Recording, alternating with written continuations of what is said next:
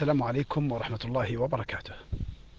آه، اليوم لن أطيل الحديث إليكم ولكني أريد أن نتواصل نحن جميعا اليوم أن نفعل خطوة عملية في تقديم الشكر والامتنان لأشخاص قدموا لنا معروف. هذا هؤلاء الأشخاص أود أنك تبعث لهم وتبعثي لهم برسالة إما مكتوبة ولا تكون منقولة من مكان لا تكون بأسلوبك أنت وبأسلوبك أنت وموجهة للشخص المعني بالضبط.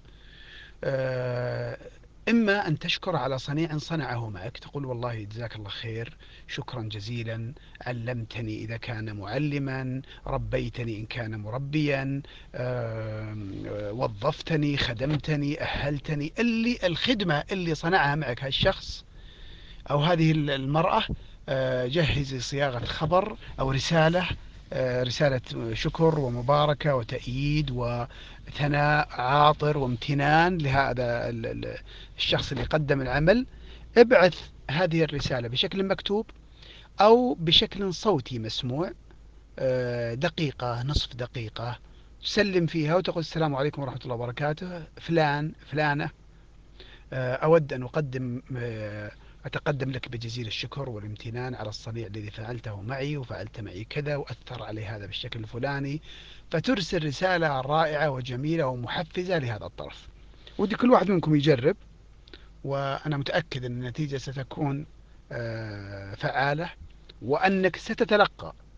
مو أنت الآن سويت عطاء قدمت امتنان قدمت شكر ثق ثقة تامة ستتلقى رسالة عكسية تشيد فيها بمعروفك أنت وبجهدك أنت وبأنك أنت كنت مثلا التلميذ الناجح أمام المعلم وأنك أنت صاحب فضل في هذا الموضوع ستجد ثناء عاطرا صادقا من الطرف اللي أنت متصل عشان تثني عليه. يمكن هذا الشخص اللي تثني عليه يكون قريب لك أخ أو أخت أم أو أب آه، أو خال أو عم أو ما أشبه ذلك وقد يكون زميل أو زميلة في جامعة في عمل في مهمة دعوية في غيرها. وقد يكون هذا الشخص مدير لك وقد يكون شيخ جليل أو داعية أو شخص مدرب أو مؤثر أو مؤلف كتاب قرأته واستفدت منه. أنت اختر من تراه مناسبا. آه، ودي تبعث اليوم بثلاث رسائل. إما تكون صوتية أو تكون مكتوبة.